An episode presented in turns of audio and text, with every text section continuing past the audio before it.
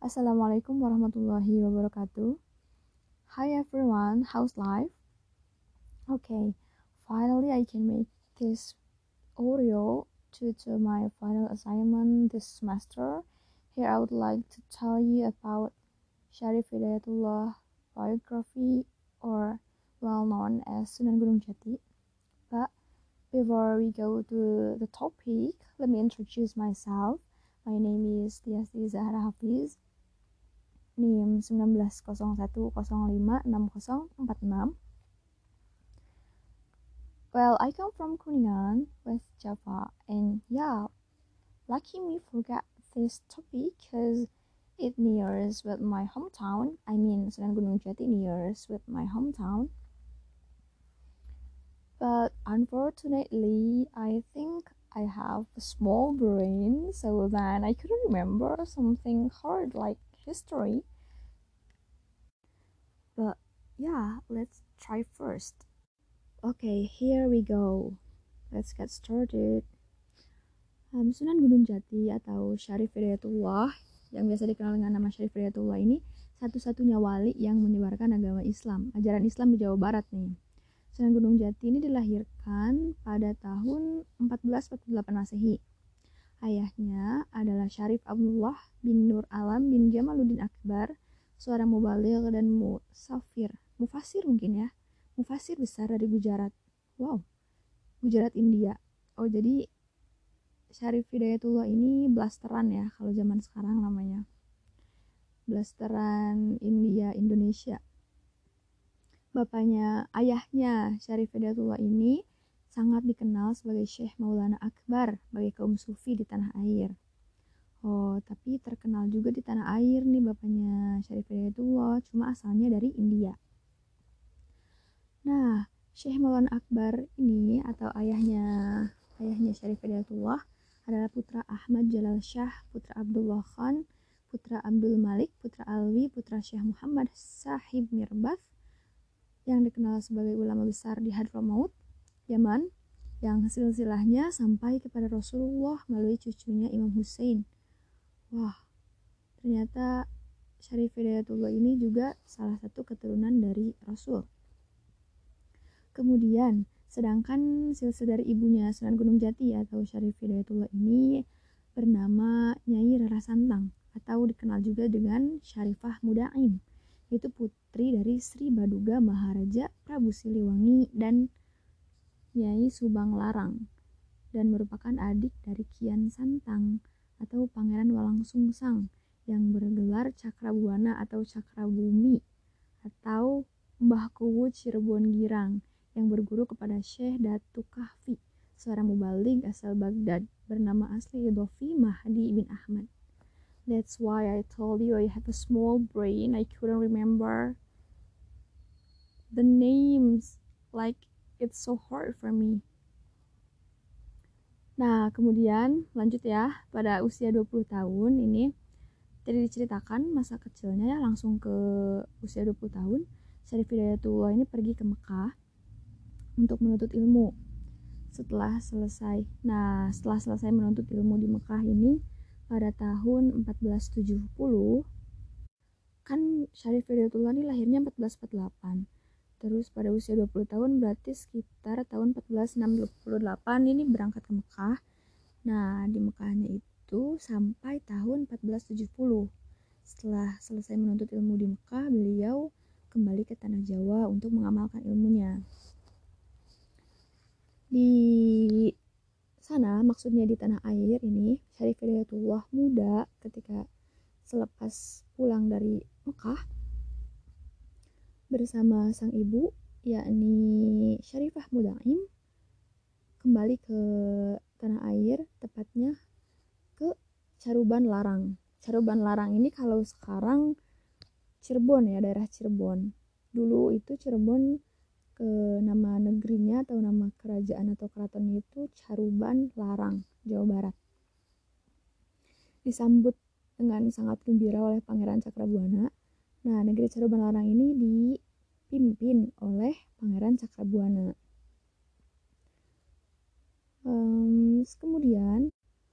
Ah, I see. Sebelum ke Indonesia ini atau sebelum ke tanah air, selepas dari Mekah ini beliau singgah sempat singgah dulu, mampir dulu ya di Gujarat dan Pasai untuk menambah pengalaman. Setelah disambut dengan sangat baik dan sangat gembira oleh Pangeran Cakrabuana beserta keluarga kerajaannya, ini Syarifah Madain meminta izin kepada pangeran agar e, mereka berdua diizinkan tinggal di Pasumbangan Gunung Jati. Pasumbangan juga daerah di Cirebon ya di Jawa Barat. Nah, di daerah Pasumbangan ini beliau mendirikan atau membangun pesantren untuk menurunkan usaha Syekh Datuk Latif. Ini gurunya Pangeran Cakrabuana. Pangeran Cakrabuana juga sudah memiliki dasar Islam ya, dasar seorang muslim seperti itu. Oleh karena itulah, oleh karena Syarif Hidayatullah ini mendirikan atau membangun pesantren untuk meneruskan dari gurunya Pangeran Cakrabuana tadi, Syaidatul Latif, karena daerahnya namanya Gunung Jati, akhirnya Syarif Hidayatullah ini dipanggil sebagai Sunan Gunung Jati. Kemudian setelah itu, setelah mendirikan dan setelah terlihat e, cukup berkembang pesantrennya ini, Pangeran eh maksudnya Sunan Gunung Jati ini dinikahkan dengan putri Cakrabuana dengan putrinya sang Pangeran Cakrabuana Nipakung Wati. Kemudian ia diangkat menjadi Pangeran Cakrabuana. Maksudnya diangkat oleh Pangeran Cakrabuana sebagai pangeran dakwah Islam yang gunanya untuk untuk melakukan diplomasi ke kerajaan yang lainnya. Kemudian pada tahun 1479 karena usia Pangeran Cakrabuana ini sudah lanjut usia, maka Pangeran Cakrabuana menyerahkan nih, menyerahkan kekuasaannya kepada menantunya atau Syarif Hidayatullah. Nama kerajaannya tadi sudah disebutkan ya, negeri Caruban. Disebutkan di sejarah bahwa pada tahun pertama pemerintahan Sunan Gunung Jati atau Syarif Hidayatullah ini beliau berkunjung ke Pajajaran. Pajajaran ini kalau sekarang Bogor ya, di daerah Bogor untuk mengunjungi kakeknya yaitu Prabu Siliwangi. Wah, ini turunannya keren-keren banget ya. Udah dari turunan Nabi, sekarang kakeknya Prabu Siliwangi. Nah, Prabu Siliwangi ini diajak nih sama Syarif Hidayatullah untuk masuk Islam. Tapi nggak mau sama kayak ceritanya paman Nabi ya diajak diajak masuk Islam tapi nggak mau tapi tidak tidak menghalangi tidak tidak kemudian ia menghalangi dakwah e, cucunya dakwah Syarif Hidayatullah untuk menyiarkan agama Islam di wilayah Pajajaran nggak apa-apa katanya dakwah aja tapi mohon maaf saya nggak bisa masuk ke agama yang cucunya anut gitu setelah dari Bogor ya Pajajaran ini Syarif Hidayatullah kemudian melanjutkan perjalanannya ke Serang, Banten kalau sekarang. Serang Banten. Penduduk di Serang ini sudah ada yang masuk Islam karena banyaknya saudagar dari Arab dan Gujarat yang sering singgah di Banten, di Serang, di Serang. Hmm. Kedatangan Syarif makanya kedatangan Syarif Hidayatullah di Banten ini disambut dengan baik oleh adipatinya. Bahkan Syarif Hidayatullah ini mau dijodohin bukan mau dijodohin sih memang akhirnya dijodohkan dengan putri Adipati Banten yang bernama Nyi Kawungten dari Nyi Kawungten ini dari pernikahan Syarif Datul dan Nyi Kawung Nyi Kawungten ini dikaruniai seorang eh tidak seorang dua orang putra dan putri dikaruniai anak lah dikaruniai anak yang namanya Nyi Ratu Winawendan dan Pangeran Sebakingking. I'm pretty curious why why like why people in the past give name to their children so pretty hard. I couldn't spell it out. Okay, but let's move on.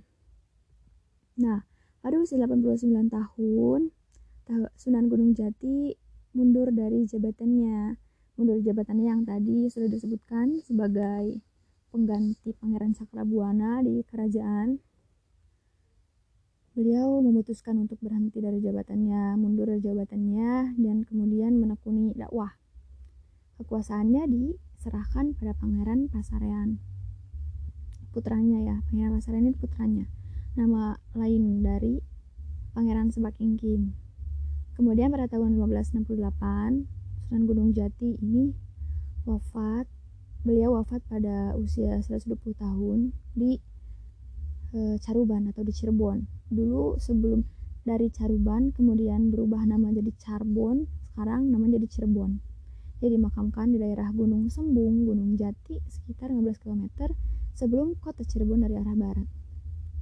I've ever visit I've ever visit his grave kayak kayak ziarah gitu satu-satunya wali yang pernah saya ziarahi makamnya adalah uh, makamnya Sunan Gunung Jati karena dekat dengan rumah saya.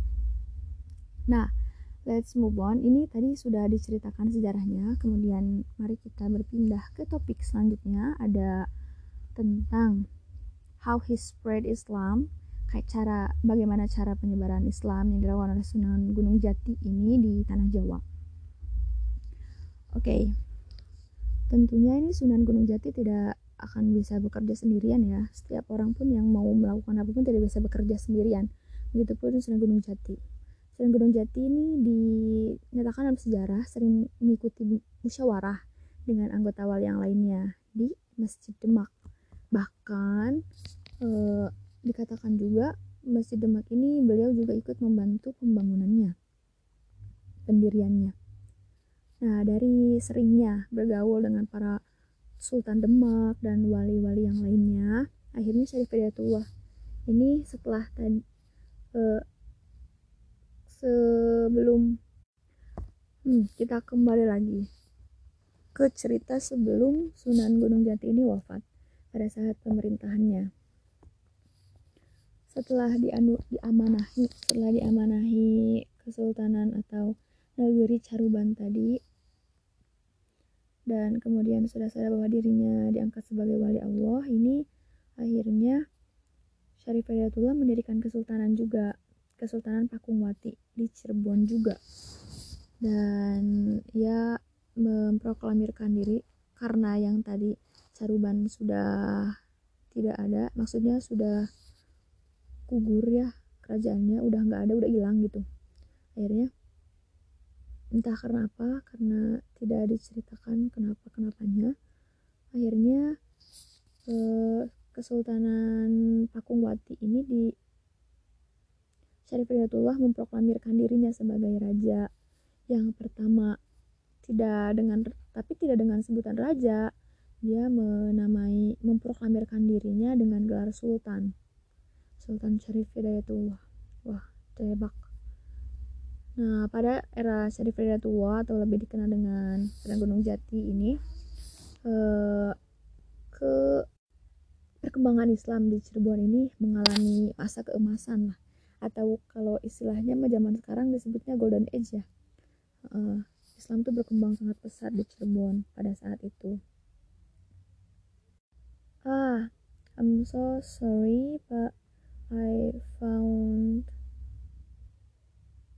I find a new fact bahwa Caruban yang tadi itu diganti namanya oleh Sunan Gunung Jati. Yang tadinya Caruban jadi Kesultanan Pakumati yang sebelumnya dipimpin Cakrabuana sekarang dipimpin oleh Syarif Hidayatullah. Setelah Syarif Hidayatullah memerintah Pengaruh para penguasa Cirebon masih berlindung di balik kebesaran nama Syarif Hidayatullah. Dengan berdirinya kesultanan tersebut, Cirebon tidak lagi mengirim upeti kepada Pajajaran, kepada kerajaan Pajajaran yang tadi ada kakeknya di sana ya, yang biasanya disalurkan lewat Kadipaten, Kadipaten Galuh. Nah, Galuh ini, oh gini, Pajajaran ini ibu kotanya dari kerajaan Galuh. Si kerajaan tadinya kerajaan Caruban, negeri Caruban ini juga masuk ke wilayah Pajajaran Pajajaran yang tadi di sekarang kalau disebutnya Bogor terus Galuh ini daerah Ciamisan lah Ciamis pada tahu kan ya Ciamis Ciamis Ciamis Tasik eh, Priangan Timur gitu ya. Nah Caruban atau Pakungwati ini di daerah Cirebon. Jadi dari Cirebon ke ditransfer ke Galuh ke Ciamis Priangan Timur gitu. Nah nanti di di story deh ke Pajajaran gitu. Nah tindakan gak mau bayar upeti ini dianggap sebagai pembangkangan oleh Raja Pajajaran. Raja Pajajaran itu gak peduli siapa yang berdiri di balik Kesultanan Cirebon. Hmm, gak tahu, pokoknya yang penting harus bayar gitu. Mau siapa pun yang jadi uh, rajanya atau jadi sultannya gitu. Mereka mengirimkan pasukan prajurit yang dipimpin oleh Ki Jagabaya untuk menangkap Sunan Gunung Jati yang dianggap lancang, mengangkat diri sebagai raja tandingan Pajajaran karena ini raja apa Pakumwati ini mau memisahkan diri dari kerajaan Pajajaran gitu. Tapi usaha ini tidak berhasil. Ki Jagabaya dan anak buahnya malah tidak kembali ke Pajajaran. Mereka akhirnya masuk Islam dan menjadi pengikut Sunan Gunung Jati. Dengan bergabungnya prajurit dan perwira pilihan ke Cirebon, prajurit pilihan yang dari Pajajaran tadi, maka makin bertambah besarlah pengaruh ke Kesultanan Pakumwati. Daerah-daerah lain seperti Surantaka, Japura, Wanagiri, Telaga, dan lain-lain menyatakan diri menjadi wilayah Kesultanan Cirebon. I think Surantaka, Japura ini sudah ganti nama ya di daerah Jawa Barat. Kalau Wanagiri dan Telaga masih sering santra terdengar di telinga saya.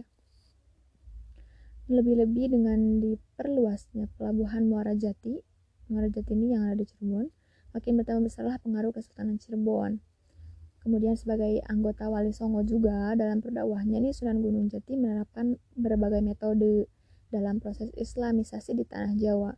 Adapun ragam metodenya, dakwahnya ini menggunakan metode Mu'izatul Hasanah, pemujadalah, bilatih ahsan, Selain itu metode al-hikmah sebagai sistem dan cara berdakwah para wali yang merupakan jalan kebijaksanaan yang diselenggarakan secara populer, atraktif, dan sensasional. Nah, cara ini mereka pergunakan dalam menghadapi masyarakat awam dengan tata cara yang amat hikmah atau bijaksana. Masyarakat awam itu mereka dihadapi oleh tim uh, Sunan Gunung Jati and Team dengan secara massal, kadang-kadang terlihat sensasional, bahkan ganjil dan unik, sehingga menarik perhatian umum. Selain itu, Sunan Gunung Jati and the team juga menggunakan metode tadar tadarruj atau tarbiyatul ummah yang dipergunakan sebagai proses klasifikasi yang disesuaikan dengan tahap pendidikan umat. Wah, he's so smart. Agar ajaran Islam dengan mudah dimengerti oleh umat dan akhirnya dijalankan oleh masyarakat secara merata. Metode ini diperhatikan setiap jenjang, tingkat, dan juga bakat. Materi dan kurikulumnya tradisi ini masih tetap dipraktekkan di lingkungan pesantren.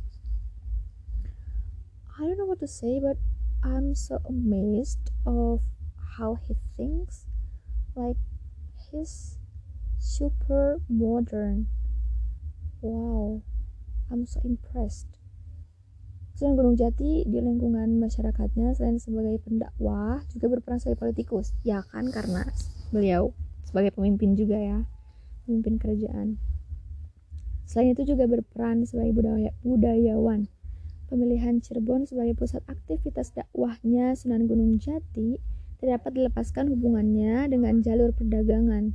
Demikian juga telah dipertimbangkan dari aspek sosial, politik, ekonomi, nilai geostrategis, geopolitik, dan geoekonomi yang menentukan keberhasilan penyebaran Islam selanjutnya. E, seperti itu ya, sejarahnya ternyata Sunan Gunung Jati ini memiliki nasab yang unik sampai ke Rasul, sampai ke silsilah Nabi. Selain itu juga sebagai cucu dari cucu dari Prabu Siliwangi like wow he's so cool sebagai pemimpin juga sebagai selain itu juga pernah belajar di Mekah blasteran Gujarat Indonesia juga. I'm so impressed. Dan alasan kenapa beliau dipanggil Sunan Gunung Jati adalah karena beliau mendirikan mendirikan pesantren di daerah Gunung Jati di Cirebon. Seperti itu kurang lebihnya di Pasumbangan Gunung Jati. Mungkin cukup sekian yang dapat saya sampaikan. Yang dapat kita share hari ini kurang lebihnya mohon dimaafkan Hasbunallah wa ni'mal. Wassalamualaikum warahmatullahi wabarakatuh.